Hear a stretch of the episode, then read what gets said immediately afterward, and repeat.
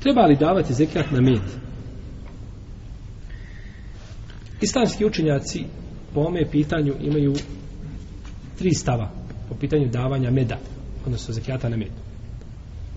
Prvo je mezheb džumhura uleme, to je Malik i Šafija, Ibn Ebi Ibn Munzir isto od šafijskih pravnika. Imam Šafija je po starom mezhebu govorio, kaže, liči mi to vađibu. Moglo bi, kaže, postoji mogućnost da bude zekijat na med vađib. Dok na, u novom mezhebu, po novom mezhebu kaže da je sunnet. Pa džumhur u Leme kaže da je to sunnet. Džumhur u Leme.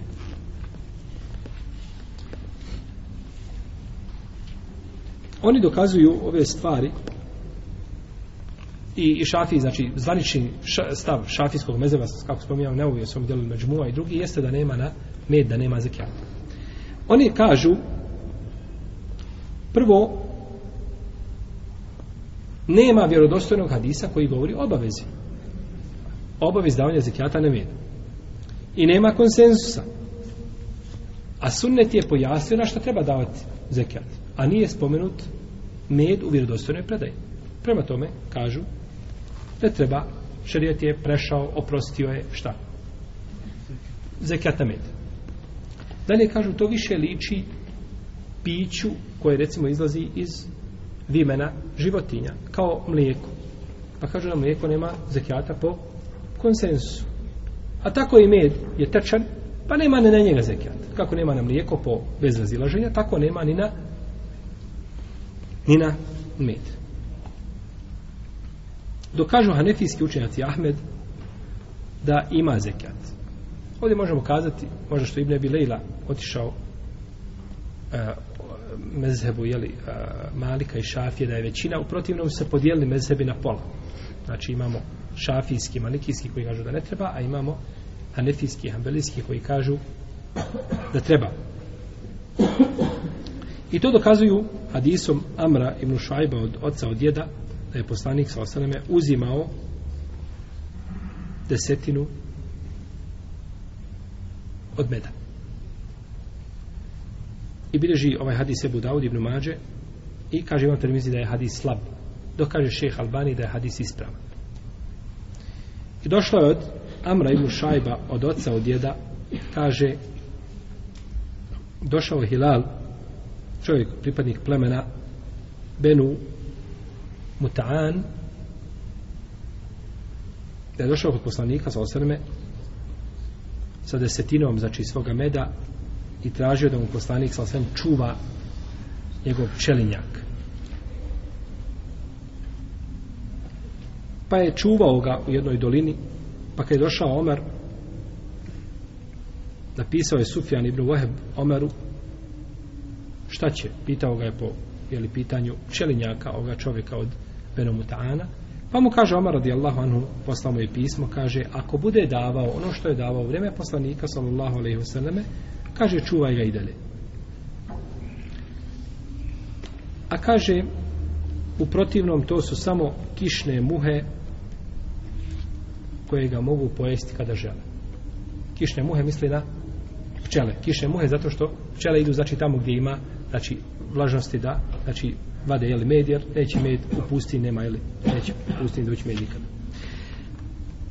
Kažu ovo je dokaz ova dva hadisa. No međutim ova dva hadisa imaju isti izlaz odnosno mahređ hadisa. Jedan im je izlaz misli se na sahaba od oca od djeda. Znači šuajb ili Amr ibn Šuajb od oca od djeda. I nakon toga prvu verziju prenosi Ibnu Lehija. Ibnu Lehija al-Misri, to je poznati ravija koji je imao mahanu u svome pamćenju. Dok drugu verziju prenosi Amr ibn al-Haris, koji je bio pouzdan, povjedljiv prenosi. Pazite dobro se. Hadis nam izlazi jednim izlazom. Ovako ide lanac i onda se dole račva. Što god je dalje od poslanika, sasvim više se račva, više prenosi od. I desno se razilaženje med dvojice ravija. Između Ibnu Lehije i između Amra Ibnu Harisa. Svaki prenosi u verziji. Pa ispravno da Ibnu Lehija pogriješio a da je pogodio ko? Amr ibn Haris. Pa ovo nisu dva hadisa da kažemo pojačava jedan drugi. Kad kažemo da dva hadisa pojačavaju jedan drugi, onda moramo gledati da ne bude izlaz hadisa isti. Jer ako je izlaz hadisa, to je jedan hadis s različitim rivajetima. Pa ne može jedan hadis sam sebe pojačavati. Nego mu treba šta? Šta mu treba? Treba mu drugi lanac prenoslaca. Treba mu drugi hadis da bi se sa njim znači mogao pojačiti. Jer, jer sama stvar, može li određena stvar samu sebe pojačiti? Ne može. Jedan ravija koji je daif, može li on sam sebe pojačiti? Ne može, nego treba drugi neko da ga... E tako ni hadis sam sebe šta ne može? Nego trebamo drugi hadis. Pa budući da je izlaz hadisa jedan, od istog ashaba, i tabina, i tabi tabina, pa se kasnije desilo razilaženje, onda ukazuje da je to jedan hadis. Pa da tu nema pojačavanja. Tako da ulema koja je pojačala kao Ibn Kajim i drugi, Allahu Teala Alem, da ovaj nije baš to pojačavanje precizno, jer radi se znači o istom hadisu. A dok se radi o istom hadisu, nema čega. Nema pojačavanja. Dakle, došli smo da se radi ovdje o jednom hadisu. U redu. Drugi je ovaj, druga ova verzija predaje, a oko nje postoji razilaženje je li ona mursel ili je ovaj mausul, da li ima spojen lanac ili je mursel. Pa i to razilaženje. Uzmimo da je ova predaja druga vjerodostojna u potpunosti. Je li ona dokaz da se daje zekijat na med? Ovaj je čovjek došao od Benu Mutaana je došao kod poslanika sa sreme da traži od njega da mu čuva. I šta je najveći dokaz? Omer kaže, ako bude davao, hajdi bereket. Ako ne bude, ništa. Nemaš obaveza prema njemu. Omer koji je faqih, muhaddis, halifa, da mu dozvoli da on izabira nešto za što je obaveza da zekat, može li biti? Ne može. Ne može biti. Pa znači ukazuje ova predaja da ona nije jasna. Znači da se radi o čemu? O zekijatu. Nego prije bismo kazali da se ne radi o zekijatu, nego se radi o uh, usluzi ili, ili ovaj uh, uh, znači uh, svoti koja se plaća za čuvanje meda. Koja se plaća za čuvanje meda. Tako da nije znači argument jasan. I tako je ovaj ovaj hadis je tako razumio Ibn Hajar al-Asqalani u svome Fethul Bari ukazao je na ovu činjenicu. Isto tako Ibn Zanđavoj u svome dijelu El-Emual isto je tako uradio Imam Al-Hattabi u svome dijelu Me'alim Sunan isto je to razumio šejh Albani Allah im se smeno osima. Znači da se radi o čemu? O čuvanju, a ne o zekijatu. A ne o zekijatu. Ovi učenjaci kažu zekat, e, med se važe ovaj mjeri se količinski pa biva u tom slučaju kao recimo datule, kao pšenica. Isto je znači.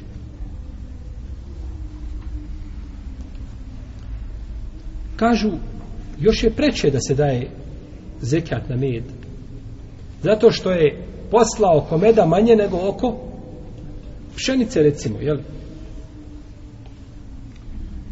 Pa kažu obaveza je da se daje zekat.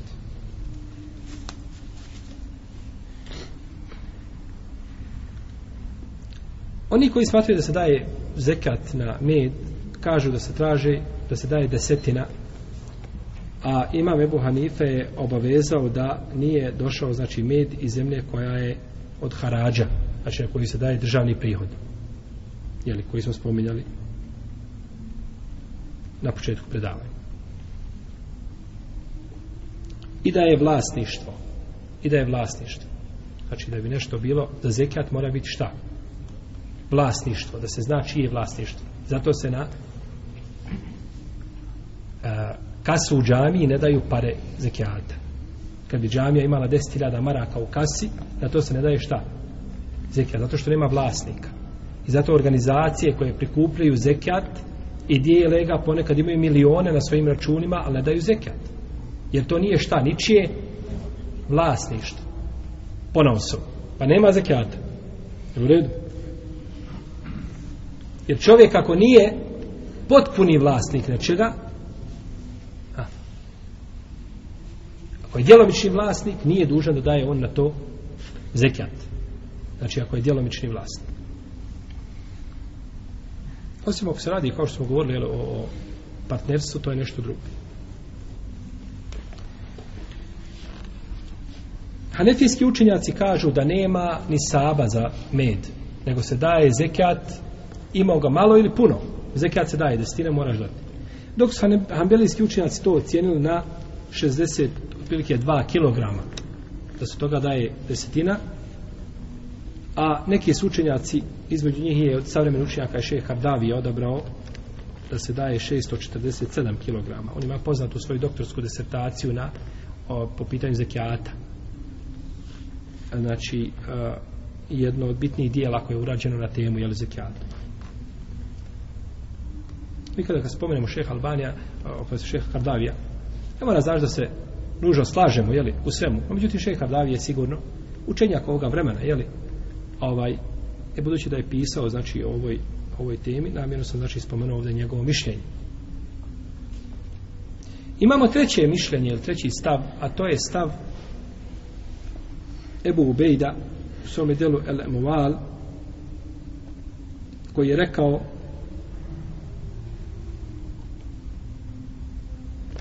da je pohvalno kranje lijepo znači a čak postoji mogućnost kaže i naređeno ljudima da daju zekijat i da je pogrdno da ostavljaju davanje zekijata i nije kaže sigurno da neće čovjek biti griješan ako ga ne dadne pa kaže ako ga dadne a zek, davanje zekijata farz ima nagradu. A ako ne bude bilo farz ima nagradu sadake. Ima nagradu sadake. I ovo je mišljenje odobrao autor. Ovo je mišljenje odobrao autor. Kaže, nije obavezno, ali je znači lijepo čovjeku da dadne i da to znači ne izbjegava davanje zekijata. Pa ako je obaveza, uradi ono što je obavezan, protivno neće biti griješ.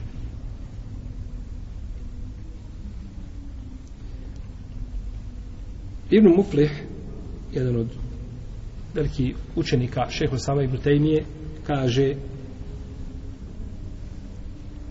da isto davanje zekijata na med nije obavezno. Allah alem, ovaj, kada se pogleda pogleda argumenti, ne mogu argumenti biti snaga koja bi ukazala da se daje zekijat na med. Nemaju ti argumenti snage. Nemaju znači dovoljno snage. Ali ovo treće mišljenje ima svoje mjesto. Da čovjek radi sigurnosti i radi razilaženja među ulemom, znači da da zekat I naće to sigurno ovaj, tamo kada mu bude bilo najpotrebnije. Ovdje svakako izdvaja šta? med koji je kupljen za trgovinu. Jer to više nije obični med, nego to šta? Trgovačka? To je trgovačka roba. Pa se tu znači onda razlikuje.